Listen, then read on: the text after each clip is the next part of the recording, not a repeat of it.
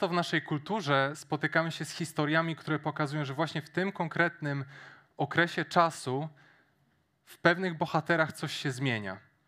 Można przytoczyć choćby opowieść wigilijną albo Familymana, kiedy pod wpływem tego magicznego nastroju w danej osobie dokonuje się drastyczna zmiana. Drastyczna zmiana. Jego czyny i stosunek do ludzi się przemienia. Pokazuje, że ten czas jest taką iskierką nadziei. Byśmy byli taką iskierką światła pośród mroku życia danej osoby. Kiedy popatrzymy na święta w tym roku, to nie da się ukryć, że ciężko zobaczyć, żeby to był czas nadziei. Kiedy słuchamy wiadomości i słyszymy, że wojna jest na wschodzie, a coraz to nowe konflikty dochodzą. Z kolejnej strony może też zmagamy się z infekcjami albo z grzechem, który nas tak męczy, szczególnie teraz, kiedy wieczory są dosyć szybkie i bardzo szybko ogarnia nas smutek. Albo może z tego powodu, że chcielibyśmy zrobić imprezę świąteczną dla dzieci jako Kościół, ale wciąż zmagamy się z tematem sali. Nie do końca mamy warunki, żeby to zrobić. Czasami w tym magicznym okresie ciężko jest zobaczyć iskierkę nadziei, a częściej jeszcze bardziej nas ten okres potrafi dobić. Może również wtedy, kiedy widzimy się z rodziną, z którą niekoniecznie chcemy się widzieć, albo kiedy jeszcze dołoży nam coś przykrego do wysłuchania a propos nas samych.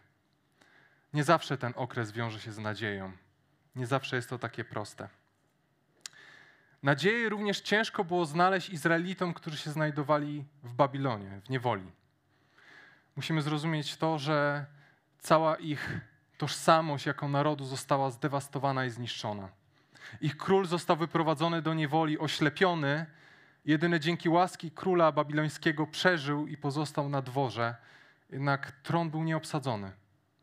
Z kolejnej strony świątynia, ich duma, ich poczucie też tożsamości, relacji z Bogiem było absolutnie rozwalone, była w drzazgach. Kiedy później próbowali ją odbudować, to starsi mężowie, którzy jeszcze pamiętali poprzednią, wspaniałą, zbudowaną przez Salomona, płakali, bo ta druga nie miała porównania. W tym wszystkim również ciężko im było znaleźć nadzieję. I wracali do historii swoich przodków, do historii takich wielkich bohaterów jak Dawid. Bo za ich czasów było dobrze. Za ich czasów wszystko było na swoim porządku. Możliwe, że właśnie wtedy też czytali drugą księgę Salomo, Samuela.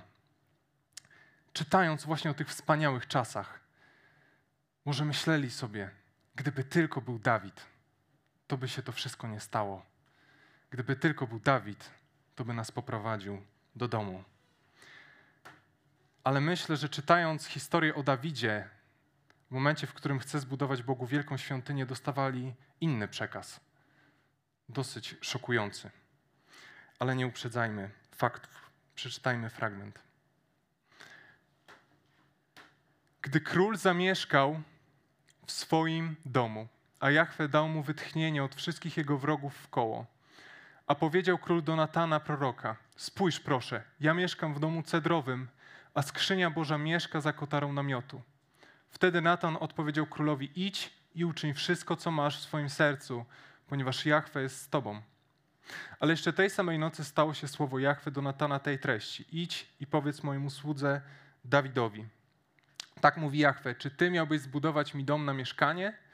Bo nie mieszkam w domu od dnia, w którym wywiodłem synów Izraela z Egiptu, aż do dnia dzisiejszego przemieszczam się w namiocie, to jest w przybytku. Czy kiedykolwiek w czasie, gdy przemieszczałem się wśród synów Izraela, przemówiłem choć słowem do któregoś z plemion Izraela, któremu Ty przekazałem paść mój lud Izraela, tymi słowy. Dlaczego nie zbudujecie mi cedrowego domu? Teraz więc tak powiedz mojemu słudze Dawidowi, tak mówi Jahwe zastępów. Ja wziąłem cię z pastwiska za owiec, abyś był wodzem nad moim ludem, nad Izraelem. I byłem z tą wszędzie, dokądkolwiek poszedłeś i wytępiłem sprzed ciebie wszystkich twoich wrogów. Uczynię też wielkim twoje imię, jak imię wielkich, którzy żyją na tej ziemi. I wyznaczę mojemu ludowi Izraelowi miejsce i zasadzę go i będzie mieszkał u siebie. Nie będziesz drżał, już więcej nie będą gnębić go nikczemnicy, tak jak na początku, od dnia, w którym wyznaczałem sędziów nad moim ludem Izraelem. I dam ci wytchnienie od wszystkich Twoich wrogów. Jachwę ogłasza Ci też, że Jachwę wzniesie Ci dom. Gdy dopełnią się Twoje dni i zaśniesz ze swoimi ojcami, wzbudzę Ci po Tobie Twojego potomka, kogoś, kto wyjdzie z Twojego wnętrza i utrwala Jego królestwo. On zbuduje dom mojemu imieniu i utrwale tron Jego królestwa na wieki. Ja będę mu ojcem, a on będzie mi synem. Jeśli dopuści się nieprawości, skardzę go rózgą ludzką i razami synów ludzkich. Lecz moja łaska od niego nie odstąpi, jak to było, gdy odjąłem ją Saulowi, którego usunąłem sprzed ciebie. I utrwalone będzie Twój dom i Twoje królestwo na wieki przed Twoim obliczem. Twój tron będzie pewny na wieki. Natan przemówi do Dawida stosownie do tych wszystkich słów i stosownie do całego tego widzenia. W tym momencie życia można powiedzieć, że Dawid był na absolutnym szczycie. Nie wiem, czy ktoś kiedyś z Was po dokonaniu czegoś wielkiego czuł, że może wszystko, że nic mu nie jest straszne. Ja dzisiaj w nocy miałem dosyć ciężką sytuację, ponieważ mój, son, mój syn dostał ataku astmy e, i nagle o godzinie 21 okazało się, że muszę wracać do domu po leki, bo byliśmy akurat u rodziców i jeszcze pojechać do apteki. Po czym jak wróciłem, to jeszcze się okazało, że dostał jeszcze kolejnego ataku i trzeba było jeszcze pojechać i dostał jeszcze dodatkowo gorączki, i trzeba było jeszcze pojechać o czwartej godzinie nad ranem do, ponownie do apteki. Nie ukrywam, że jak udało się to wszystko zrobić około piątej nad ranem po dwóch godzinach snu, czułem, że mogę wszystko. W takim sensie, że cokolwiek by się stało, widzę, że Bóg mnie przez to przeprowadził, nic mi już nie jest straszne. Są takie momenty, że naprawdę czujemy siłę. Na przykład wtedy, kiedy uda nam się zamknąć ciężki projekt w firmie. Albo może relacja z przyjacielem, albo z małżonkiem. Udało się naprawić, chociaż puzzle były tak pokomplikowane, że wydawało się, że nie da się tego ogarnąć. Dawid był w podobnym miejscu. Został wyznaczony na króla w bardzo młodym wieku, jeszcze jako chłopiec i był najmłodszy ze swojego rodu. Byśmy powiedzieli od zera do bohatera. Były często takie programy od zera do bohatera pokazujące jakąś biedną osobę, która dokonała czegoś wielkiego i została milionerem. Byśmy powiedzieli, że historia Dawida jest bardzo podobna. Od chłopca i giermka staje się królem, dlatego że Bóg go wybrał. Co więcej, Bóg również posadził go na tronie pomimo sprzeciwu króla, który wtedy panował, czyli Saula. Wybawił go od wszystkich jego problemów i wrogów. Dawid odnosi również ogromne sukcesy militarne. Zbudował wielką stolicę w Jerozolimie. Budował prawdziwe królestwo. Dokonał również wielkich reform religijnych, sprowadzając Arkę Przymierza do Jerozolimy. Człowiek, instytucja. Człowiek, który z całą pewnością można było powiedzieć, że odniósł sukces. I Dawid przy tym wszystkim również nie zapomniał o Bogu. Kiedy już osiadł w swoim domu, postanowi, że chce zbudować Bogu dom, zbudować Bogu świątynię. Widzimy to tutaj, że wtedy, kiedy zamieszkał w swoim domu, kiedy już odpoczął po tych wszystkich przygodach, kiedy po tych trudach mógł spokojnie zająć się sobą, on postanowił, że ciężko mu jest tak to zostawić, że Bóg mieszka w tym namiocie, w tym przybytku, a on sobie mieszka w bogatych komnatach. I postanawia, że chce zbudować Bogu świątynię. Co ciekawe, wszyscy zareagowali z dużym entuzjazmem. Prorok Natan nawet powiedział: Pewnie, czyń, czyń co chcesz, bo Bóg jest z tobą. Nie ma żadnego problemu. Ale jednak Bóg reaguje w inny sposób. Byśmy powiedzieli w dosyć nietypowy. W dosyć nietypowy. Wszyscy przewidywali pozytywne nastawienie, ale jednak Bóg reaguje inaczej i pokazuje jednocześnie coś Dawidowi, coś bardzo ważnego bardzo ważnego. Czy ty miałbyś zbudować mi dom na mieszkanie? Czy ty miałbyś zbudować mi dom na mieszkanie? To pytanie kontrastuje wraz i stanowi pewne spoiwo wraz z deklaracją Boga w późniejszym wersecie. Z jednej strony pokazuje małość i troszeczkę małość tego, co chce zrobić Dawid w porównaniu do tego, co Bóg chce zrobić dla Dawida. Spójrzcie, z jednej strony na początku wypowiedzi Ty miałbyś zbudować mi dom, a później podkreśla Jachwę wzniesie Ci dom. Jachwę wzniesie Ci dom. Te dwa zwroty do Dawida są spoiwem, który pokazuje nam, co tak naprawdę Bóg chce Dawidowi pokazać. Co Bóg chce Dawidowi pokazać. Bóg przy tym wprost stwierdza, że świątynia nie jest do końca jego pragnieniem. Nigdy o to nie prosił w przeszłości ludów Izraela. To jest pragnienie Dawida, tego, żeby zbudować Bogu świątynię. I Bóg oczywiście przystaje na tą prośbę. Później widzimy, że król Salomon buduje mu ten wielki dom, wielki, bogaty, wspaniały. Ale jednak Bóg pokazuje, że to nie do końca była jego intencja, że on o to nie prosił, nie domagał się tego. Popatrzmy też, jak to musiało odpowiadać ludziom, którzy czytali tą księgę, którzy tej świątyni już nie mieli. Że ta świątynia nie była celem samym w sobie. Co więcej, przed wygnaniem, zanim zostali do Babilonu odesłani, czytamy niejednokrotnie, że ta świątynia jakby stała się celem samym w sobie, że z jednej strony ciągle składali tam ofiary, powiedzmy, czcili to swoje religijne życie, ale z kolejnej strony oddawali jednocześnie cześć innym Bogom. Bóg w konsekwencji tą świątynię zburzył.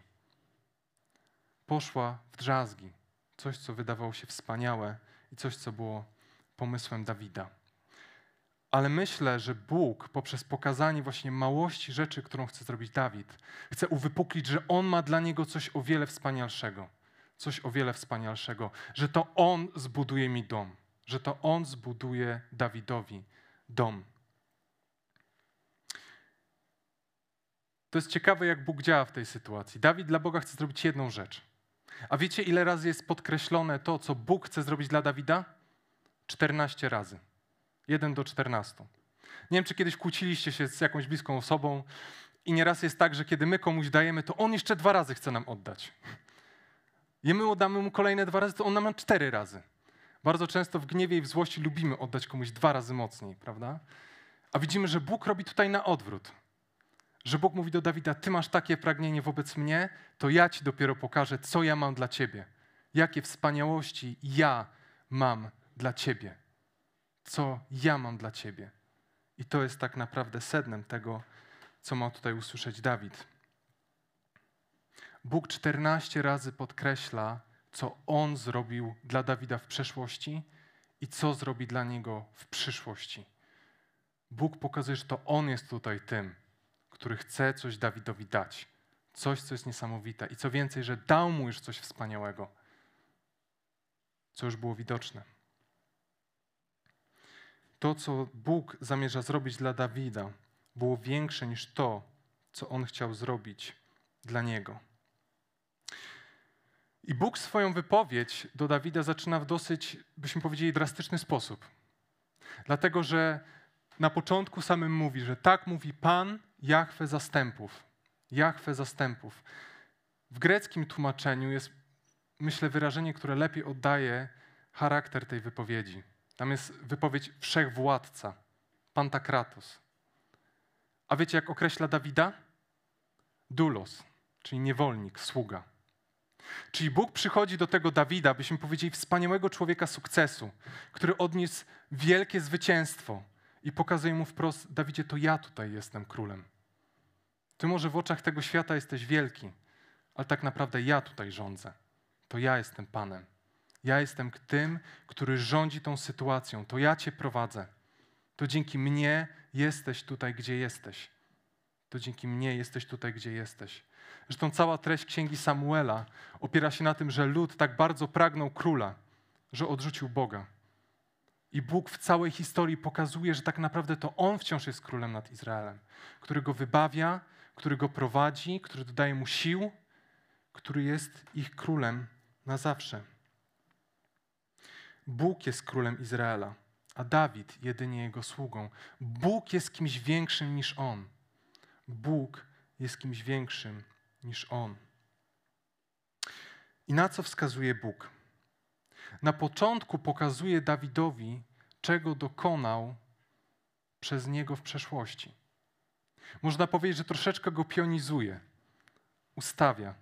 Oczywiście nie robi tego złośliwie, ale robi to stanowczo, pokazując dzięki komu Dawid ma to, co ma. Ma to, co ma. I to jest ciekawe, że Bóg bardzo często, kiedy pionizuje swoich ludzi, to nie kieruje ich do tego, tak jak Zbyszek powiedział na początku, żeby się go bali, Nie kieruje ich do tego, że kierowany jakimiś wyrzutami sumienia, ale pokazuje: patrzcie, co ja zrobiłem dla was. Patrzcie, co ja dokonałem dla was. Tak samo Bóg się odzywał do Izraela, mówiąc: Patrz, Izraelu, ja cię wyprowadziłem z niewoli. Ja byłem z tobą od początku.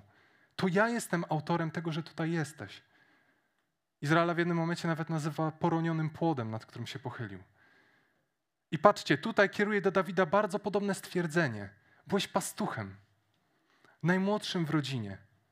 I to ja cię wybrałem. To dzięki mnie jesteś tutaj, gdzie jesteś.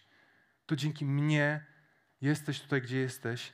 I to ja jestem autorem twojego sukcesu. Czasami jak czytamy o Dawidzie, to mamy dwie skrajne postawy.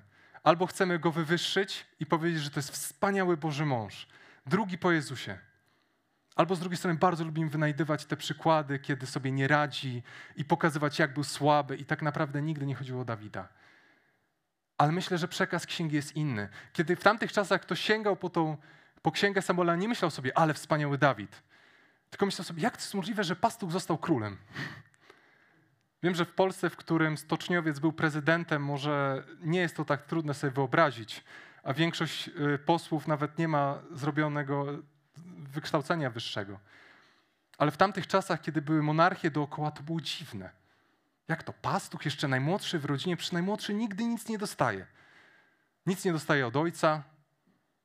Pracuje co najwyżej u swojego brata na polu. Takie były czasy.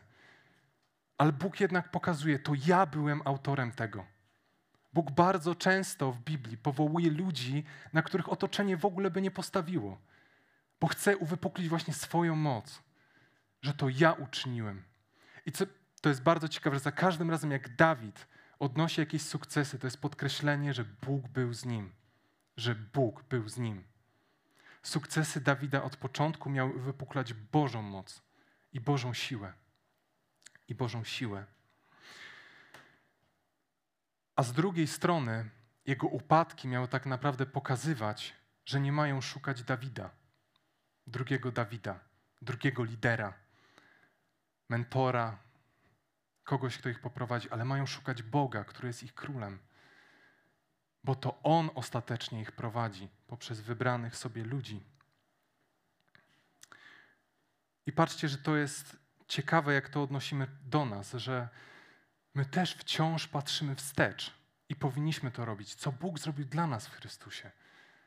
Nie to, co my mamy zrobić dla Niego, ale tym, co nas pionizuje, wciąż przypomina, dlaczego mamy być Bogu posłuszni, dlaczego mamy za Nim iść, dlaczego mamy oddawać Mu swoje życie. Jest to, co On dla nas zrobił w Chrystusie. To znacząco przerasta to, co my możemy dla Niego kiedykolwiek zrobić. Kiedykolwiek zrobić. To musi być zmianą, motywacją do zmiany naszego charakteru i do posłuszeństwa. Bóg w Biblii też, jak się odnosi do Izraela, mówi: Pamiętaj, że to ja cię wyzwoliłem z Egiptu, i później przechodził do poleceń. To, co Bóg zrobił dla ludzi, zawsze poprzedzało to, co ludzie zrobili dla Niego i mieli dla Niego zrobić. To było wiele ważniejsze. Ale widzimy tutaj również pewien paradoks, który w Biblii jest obecny. To, co już wcześniej powiedziałem, że pastuch został królem, i to wielkim królem, wspaniałym królem. I byśmy powiedzieli, że te święta Bożego Narodzenia też są historią paradoksu. Bo nagle się okazuje, że ten właśnie władca, ten Pantakratos, ten wszechwładca staje się chłopczykiem. Chłopczykiem w biednej rodzinie, która wcale nie znaczyła wiele. Ale jednak to była Bożą wolą, żeby jeszcze bardziej uwypuklić Jego wielkość i Jego wspaniałość sukces Dawida to tak naprawdę był sukces Boga. Boga jako króla nad Izraelem. Czytamy również, że druga obietnica, którą daje Dawidowi, jest to, że będzie się troszczył o lud. Troszczył o lud. I co ciekawe, w Biblii często znajdujemy takie przymknięte taką byśmy powiedzieli puszczone oko w stosunku do pierwszych czytelników, kiedy, którzy czytali tę księgę. Popatrzcie, lud w trakcie Dawida żył w pokoju i był ludem silnym. A tutaj czytamy, że wyznaczę mojemu ludowi Izraelowi miejsce i zasadzę go i będzie mieszkał u siebie, nie będzie już drżał, już więcej nie będą gnębić go nikczemnicy, tak jak na początku. Od dnia, w którym wyznaczyłem sędziów nad moim ludem Izraelem i dam ci wytchnienie od wszystkich twoich wrogów. Izrael w tamtym czasie miał się dobrze. Ale jednak czytamy tutaj, że w pewien sposób Bóg zapowiada, że ta jego opieka nad ludem nie będzie dotyczyła tylko Dawida, ale również czasu, kiedy lud Izraela będzie przechodził przez trudności. Że Bóg będzie tym, który będzie prowadził swój lud. Że Bóg go ostatecznie poprowadzi. Nie Dawid, ale on. Ale on. Myślę, że Izraelici w Babilonie mogli szukać kolejnego charyzmatycznego, silnego lidera. Jak wiemy, w czasach trudnych, nawet popatrzymy na naszą historię Polski, zawsze rodzą się jacyś charyzmatyczni liderzy, którzy wzywają do powstania. Możemy popatrzeć choćby na Kościuszko albo na innych. Myślę, że ludzie w Babilonii też czekali na jakiegoś bohatera, jakiegoś człowieka, który wszystko zmieni, który nas odrodzi. Kogoś takiego jak Dawid. A tutaj dostają informację, że to Pan nas poprowadzi. Na nim mamy polegać i jemu mamy ufać w tej drodze, którą mamy przebyć. Co ciekawe, ta droga powrotna z niewoli wcale nie była przyjemna, bo jak czytamy Nehemiasza, tam było sporo roboty do zrobienia. Trzeba było wrócić, odbudować, trzeba było się wysilić. To nie było tak oczywiście, że Pan Bóg wszystko zrobił za nich, ale to ostatecznie Pan Bóg sprawiał, że byli w stanie dojść do miejsca, które im obiecał. Bóg jako król wyprowadzi ich z niewoli. I myślę, że my czasami w kościele też tęsknimy za kimś, kto nasze duchowe życie i relacje z Panem Bogiem naprawi za nas. Może być to pastor, może być to lider. Jakbyśmy mieli innego pastora albo innych starszych, to by było lepiej. To by nas poprowadzili. Bo tak łatwo powiedzieć, że moje duchowe życie jest słabe przez innych, a nie dlatego, że tak naprawdę nie opieram się na tym, na tym, na kim naprawdę powinienem się opierać. Łatwo jest mówić, że ktoś się mną nie zajął. Łatwo by było powiedzieć, że tak naprawdę to jest wina ludzi.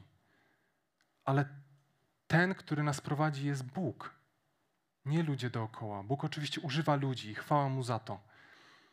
Ale ostatecznie Kościół prowadzi Bóg i prowadzi go tak, jak chce.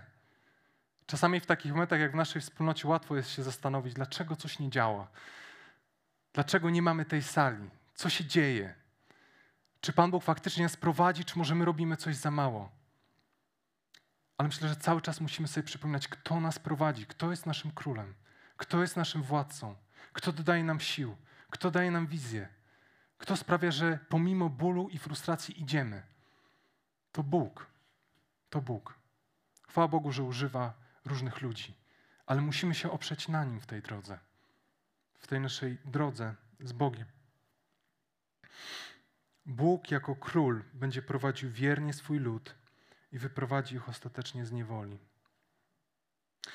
Ale najlepsze zostaje na koniec, bo Dawid dostaje obietnicę, że pojawi się również potomek. Czyli z jednej strony Bóg pokazuje, że to On jest królem, to On jest tym, który powołuje Dawida i postawi go w tym miejscu. Z kolejnej strony daje obietnicę, że będzie prowadził swój lud, ale z kolejnej strony pokazuje Dawidowi, że nadchodzi przyszłość, która jest wspaniała, która jest wspaniała. Obiecuje, że wzbudzi mu potomka po nim. Bóg finalnie obiecuje, że jego potomek będzie na tronie. Musimy sobie zrozumieć, że to nie były takie czasy jak dzisiaj, kiedy kończy się jakaś władza, to idziemy do urny wyborczej, wybieramy i wiemy, że możemy zobaczyć program i wiedzieć mniej więcej, czego możemy się spodziewać. Wtedy były takie czasy, że jeżeli król nie miał potomka, to panowało duże zaniepokojenie. Bo co teraz? Kto przejmie władzę? Często wtedy zapanowywała jakaś wojna domowa, jakiś okres trudności. Potomek było czymś, co musiało przetrwać, żeby królestwo mogło dobrze funkcjonować, żeby państwo mogło kontynuować swoją rolę. I Bóg obiecuje Dawidowi potomka, że to on ostatecznie zbuduje mu dom, że to on zbuduje mu dom. Widzimy tutaj określenie, że miał być to syn Boży. I faktycznie często wobec królów Bóg również używał takiego określenia, tak jak wobec całego Izraela. Widzimy, że miał panować na wieki. To też było takie określenie. Królu, panuj na wieki, czyli na zawsze, bo Twoje panowanie będzie dobre. Będzie dobre. I jak sobie zobaczymy na historię, to król Dawid na pewno cieszył się, bo wiedział, że jego dzieci będą panować. Myślę, że nie widział i to też jest ciekawe, że nie widział tej wspaniałości tego, co tak naprawdę ostatecznie Bóg później przygotował. Jak sobie zobaczymy, jego dzieci niezbyt dobrze sobie radziły. Myśmy powiedzieli, nawet nawalili. I co więcej, jego potomkowie również wciąż grzeszyli, upadali. Królestwo wciąż trwało, Bóg był wierny, aż się skończyło i lud poszedł do niewoli. Ale co ciekawe, czytamy w drugiej księdze królewskiej, że potomek Dawida przetrwał. Tak jak Bóg obiecał, że moja łaska nie ominie Twoich dzieci, Twojego potomstwa. I potomkowie Izraela zaczynali się zastanawiać, czy tam nie chodzi o kogoś większego, kogoś większego niż Dawid, kogoś większego niż Salomon, kogoś, kto będzie większy. Bo pokolenie Dawida wciąż przeżyło, ale tron był wciąż nieosadzony. Wciąż było coś niekompletnego, coś niepełnego. Tak jakby to obietnica, którą Bóg daje Dawidowi, była jednak czymś jeszcze większym, czymś jeszcze wspanialszym, czymś jeszcze takim przejmującym, niesamowitym. I się okazuje, że faktycznie tak było. Obiecuje, że dom będzie utrwalony na wieki, na zawsze, że królestwo będzie na zawsze dane Dawidowi. Bóg jako król zapowiada nadejście nowego króla po Dawidzie, który będzie pochodził z jego rodu. I czas mijał, i czekali, nic się nie zmieniało. Nawet próbowali robić powstania, które ostatecznie się nie udawały. I czekali, bo w końcu miał być jakiś król. Miał być ktoś wyczekiwany, ktoś wspaniały, ktoś większy, ktoś większy. Aż do pewnego dnia. Gdy anioł przychodzi do Marii i mówi: Oto poczniesz w łonie i urodzisz syna i nadasz mu imię Jezus. Ten będzie wielki i nazwą go synem Najwyższego. Da mu też Pan Bóg tron jego ojca Dawida i będzie królową nad domem Jakuba na wieki, a jego królestwu nie będzie końca. Popatrzcie, jak Łukasz patrzy wstecz na tamtą historię z ksiąg Samuelowych i mówi: To jest ten król, na którego czekaliśmy. To jest ten ktoś większy niż Dawid. I co więcej, jak sobie zobaczymy, to ten wielki król, ten wszechwładca, okazuje się, że w tym finalnym momencie on przychodzi na ziemię. I to on wchodzi na tron. I to on ostatecznie przychodzi do swojego ludu. Jest królem na wzór Dawida. To znaczy, że też pozornie niesilny, pozornie słaby, ale jednak potężny ale jednak wielki i też z jego rodu. Dokonał wyzwolenia z niewoli. Tak jak Bóg mówi, że wyprowadzę swój lud. Ciekawe jest to, że często w Nowym Testamencie, kiedy mówi się o krzyżu, to często mówi się o eksodusie, o wyjściu. Tak jak wtedy, kiedy było wyjście z Egiptu i z Babilonu. On doprowadził wyjście z niewoli, tylko grzechu. Kiedy dokonał odkupienia za nas, za wszystkie nasze winy, za wszystko, co złego zrobiliśmy wyzwolił nas z prawdziwej niewoli. Zbudował Bogu świątynię. Większą świątynię, wspanialszą, jaką jest Kościół, jaką jesteśmy my. I patrzcie, ona wciąż stoi. Minęło kilka tysięcy lat, ona wciąż stoi. I często świat próbuje zrobić tak, żeby jednak nie istniał. Ale jednak za każdym razem jakoś przetrwa. Za każdym razem jakoś przetrwa. I stoi i uwielbia Boga i świadczy o Nim. Jest królem na wieki. Królem na wieki. I nic już nie wydrze Jego tronu. I możemy sobie pomyśleć, że właśnie mowa o tym królu, o tym panie zastępów, który z jednej strony jest autorem sukcesów swojego ludu, który prowadzi swój lud, który ostatecznie przychodzi w osobie Jezusa, czy jest w tym coś takiego praktycznego, coś, co Kościół może przelać na dzisiejsze ciemne czasy, tak żeby zobaczyć tą iskrę nadziei. I wiąże się z tym dosyć ciekawa historia. Tuż przed wojną, kiedy Niemcy coraz bardziej szły w stronę nazizmu, kiedy Hitler dochodził do władzy, Kościół okazał się, że nie stanął na wysokości zadania powstało chrześcijaństwo niemieckie, gdzie dostosowano prawdy nazistowskie do prawd biblijnych. Wywalono Stary Testament, uznano, że ostatecznie Żydów wolno zabijać.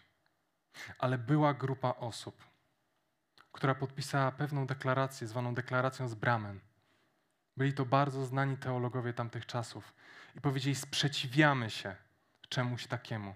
bo to Chrystus jest naszym królem i to Chrystus jest naszym Panem. Cały Kościół się poddał. Dlaczego? Bo państwo utrzymywało ich finansowo i była prosta droga. Albo stajecie po naszej stronie, albo nie macie co jeść. A oni powiedzieli stanowczo: Nie, to Chrystus jest naszym królem. Otoczenie nie będzie i trudne okoliczności nie będą dyktowały nam tego, kim jesteśmy. Ta grupa nazywa się Kościołem Wyznającym, który jasno stanął po drugiej stronie barykady i co więcej zapłacił cenę. Mężnie zapłacił cenę. Autor tej deklaracji, Karl Barth, został wyrzucony z Uniwersytetu w Berlinie, musiał oddać się na wygnanie. Dietrich Bonhoeffer ostatecznie został zabity w obozie koncentracyjnym na osobiste polecenie Hitlera, kiedy było wiadomo, że Niemcy już przegrali. Został zastrzelony albo powieszony, już nie pamiętam. I Bonhoeffer tuż przed śmiercią powiedział: To jest koniec, ale dla mnie to jest początek. Popatrzcie, że Bóg jako król, który nas prowadzi, który jest naszą siłą, który daje nam obietnicę, że z jednej strony pomimo naszych słabości i niedoskonałości nas prowadzi, tak jak prowadził Dawida. Jak sobie popatrzymy na nasz Kościół, na siebie dookoła, byśmy nie powiedzieli, że mało jest wśród nas, którzy stanowią elitę tego świata, albo którzy czują się silni i potężni. Ale nam Bóg właśnie takich ludzi wybiera i prowadzi. Król, który nas prowadzi ostatecznie do tej ziemi obiecanej w niebie, który dał nam już swojego króla to wszystko powoduje, że Kościół ma ogromną siłę, żeby stanąć po stronie Boga w każdych okolicznościach. I nawet kiedy jest ciemność, i nawet kiedy jest mrok, On może być tym światełkiem nadziei dla świata, który idzie w bardzo czasami złą stronę. Który idzie czasami w bardzo złą stronę. I wiecie, co było na końcu tej deklaracji, na samym dole? Słowo Boga przetrwa na wieki. Słowo Boga przetrwa na wieki. Co by się nie działo, Bóg będzie nas prowadził i będzie naszą siłą. Kiedy popatrzymy sobie na zastosowanie, myślałem na tym, co by powiedzieć. Ale myślę, że najpiękniejszym zastosowaniem jest w tym, jaka była reakcja Dawida na te wszystkie wspaniałe obietnice, które Bóg mu dał. Na te 14 obietnic, które Bóg złożył Dawidowi. Które Bóg złożył Dawidowi. Chciałbym przeczytać ten fragment. Wtedy król Dawid przyszedł, usiadł przed obliczem Jahwe i powiedział: Kim ja jestem, panie?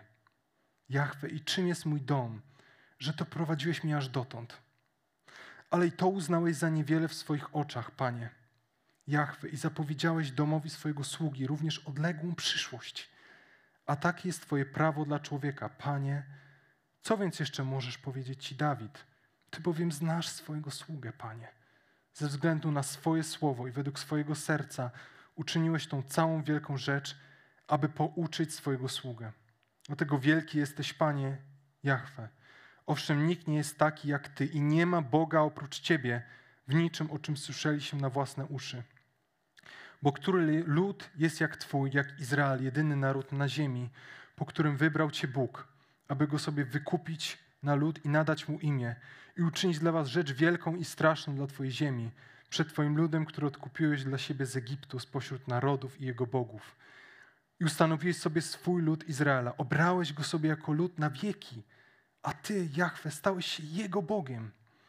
Teraz więc, Jahwe Boże, potwierdź na wieki to słowo, które wypowiedziałeś o swoim słudze i o Jego domu i uczyń, jak zapowiedziałeś.